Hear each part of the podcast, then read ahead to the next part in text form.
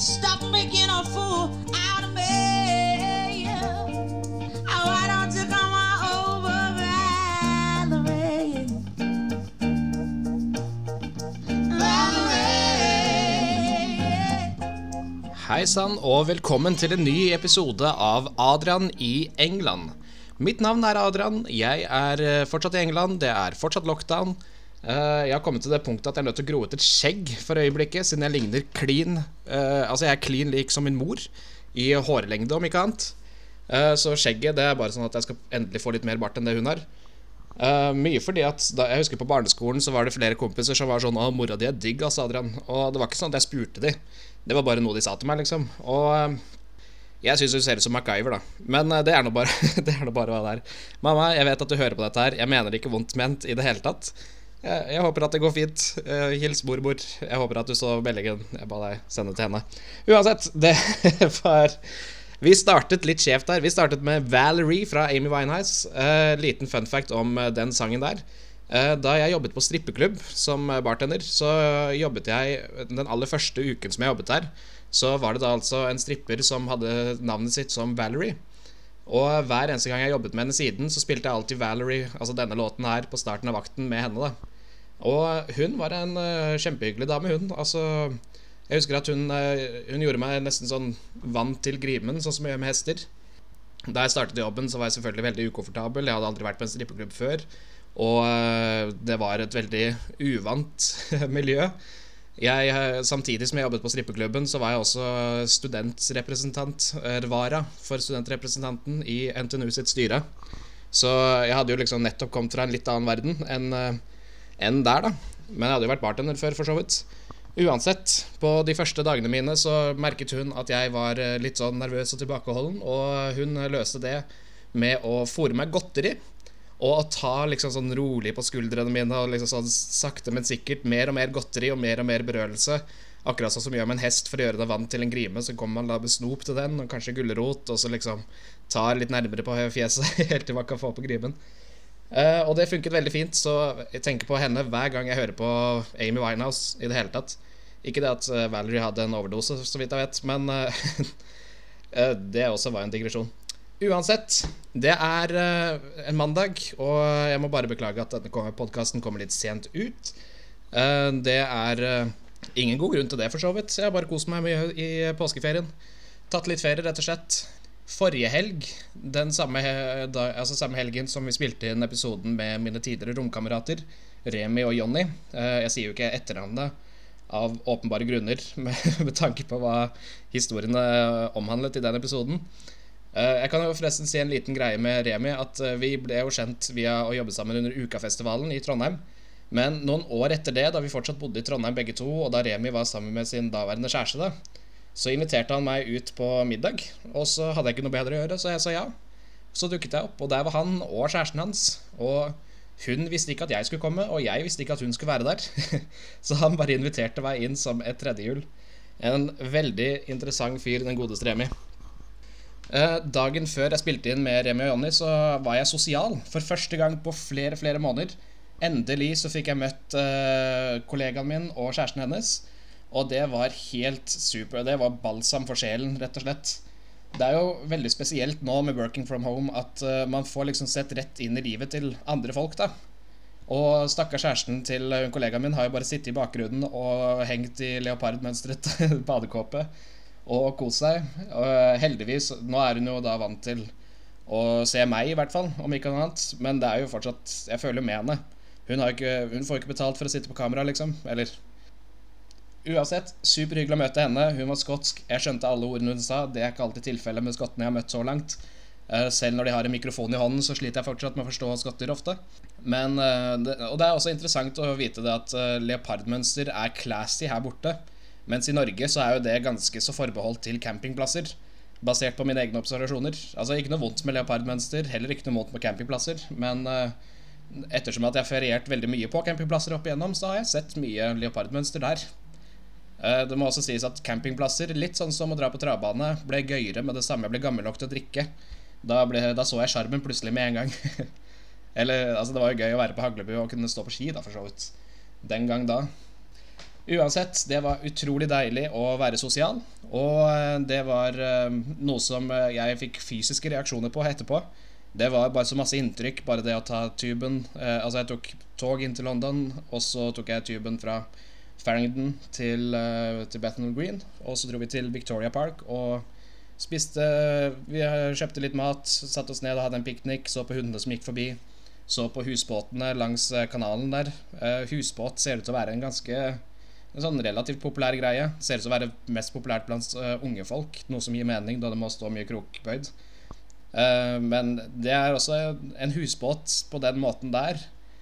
Tja, kanskje gøy i en måneds tid, men jeg tror ikke Jeg, jeg er ikke typen som kunne levd sånn, da. Men hvis du, hvis du er typen, så er, det, så er det et sted hvor du kan leve sånn, og det er i London. Uansett, vi ruslet rundt eh, og så på kanalen. Spiste en hyggelig piknik, eh, skravlet piss. Viser seg at det var ikke så mye forskjell i oppveksten eh, til verken Skottland eller Stavanger, for så vidt. At de også hadde Pixo. De hadde ikke Nettby, for så vidt.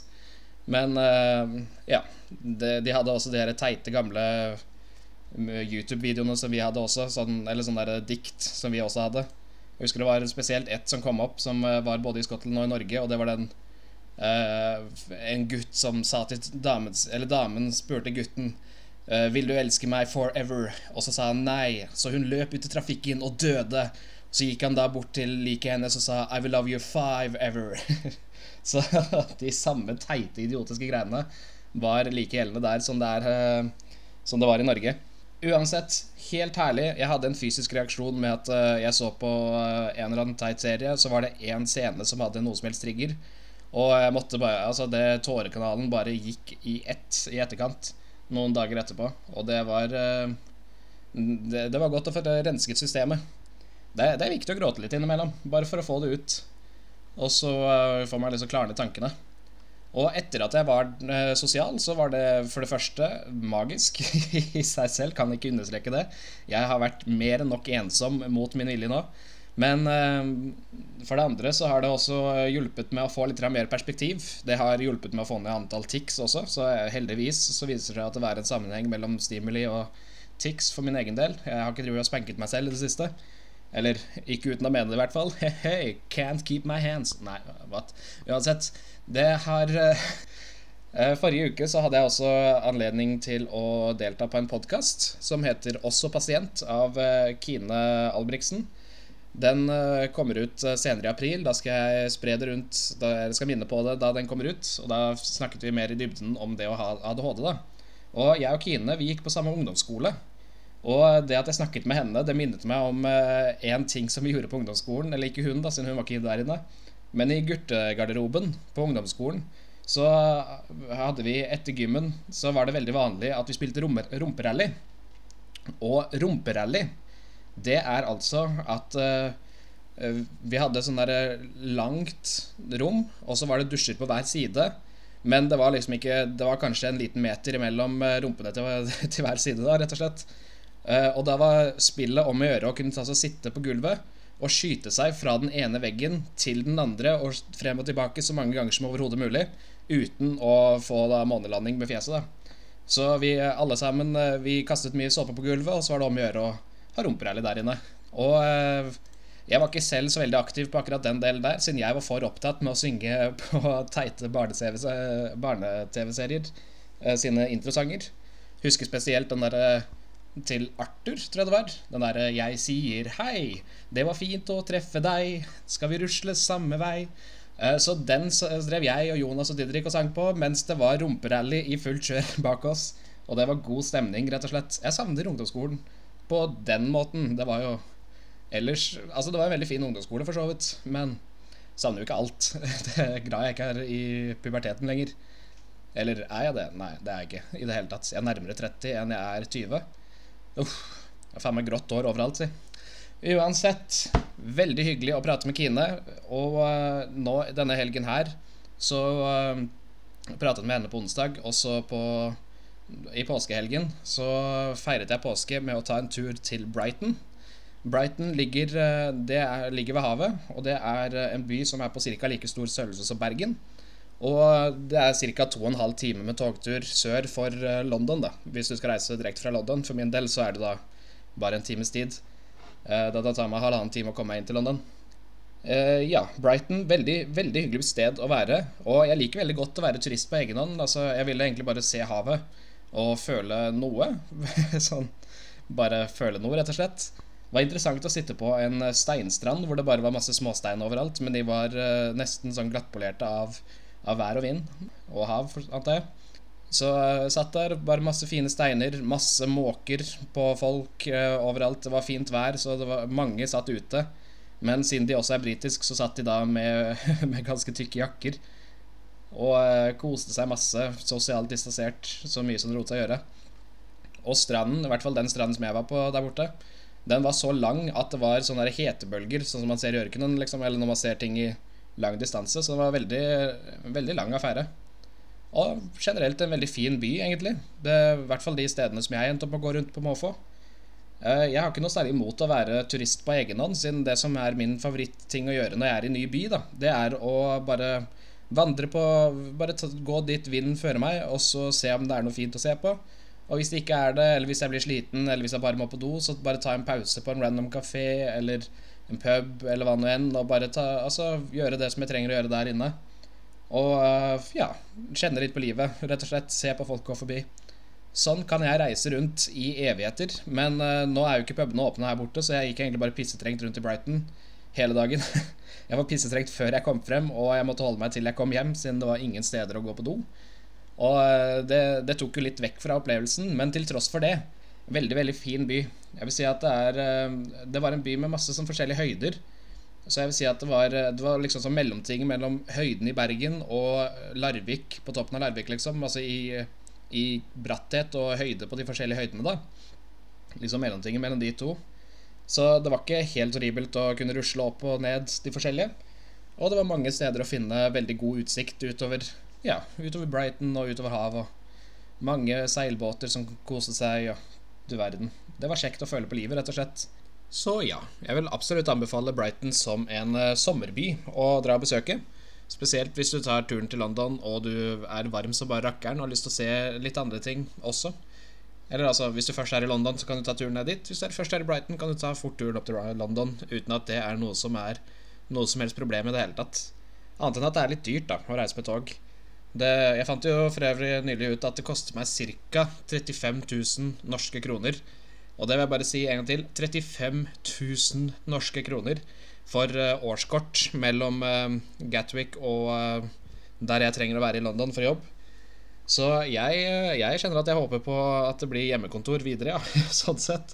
Eller at, i hvert fall, at jeg ikke trenger å være permanent på jobb. hvis ikke så må jeg dønn ta opp lån for å ha råd til Eh, til kollektivtransport. Jeg har sett at det skal tydeligvis være en greie at man tar opp eh, en viss type kredittkortlån kun for å dekke eh, årskortsutgifter der borte.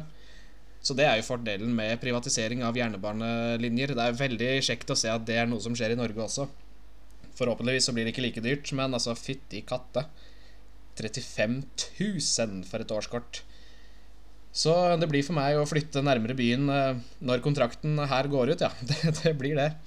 Jeg er for så vidt glad for at jeg fortsatt bor her, siden det er et finere sted, og jeg bor ikke i en getto hvor det er ting er farlig, men, eh, men 35 000, her er Gud. Men, men.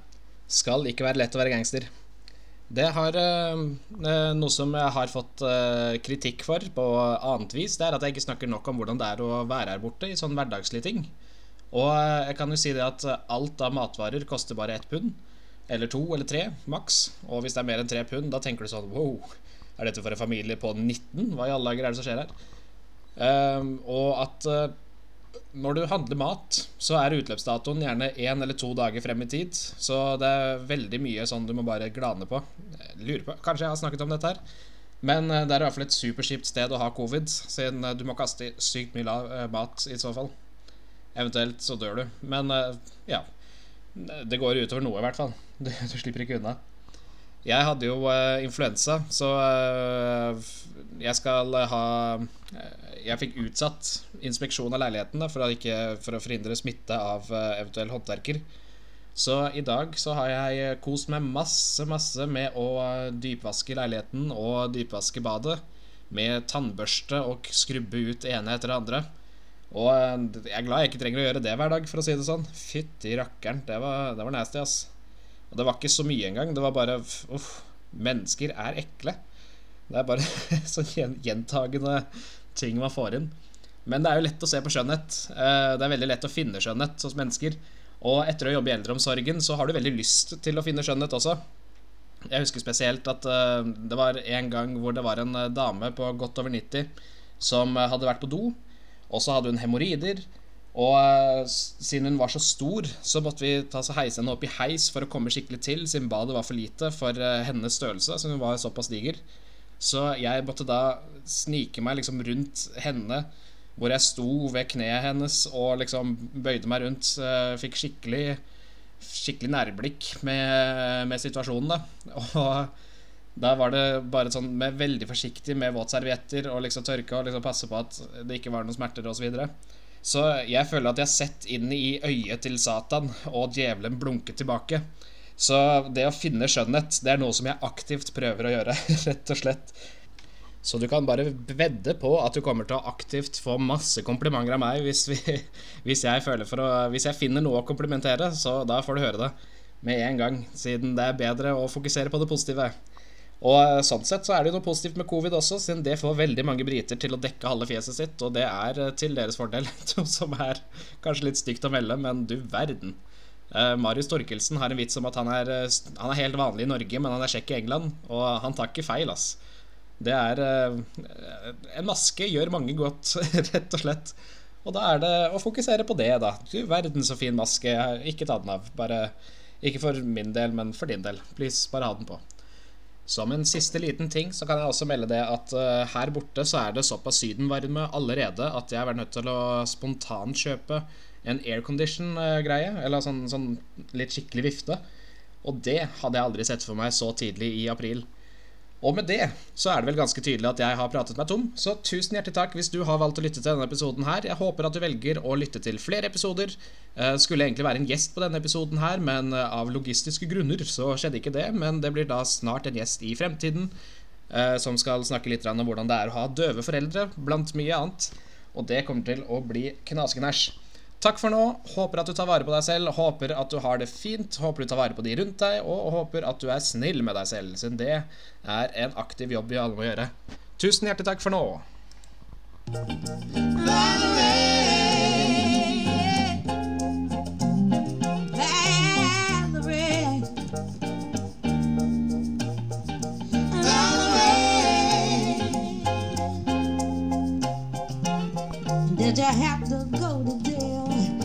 your house and Did to get a good lawyer.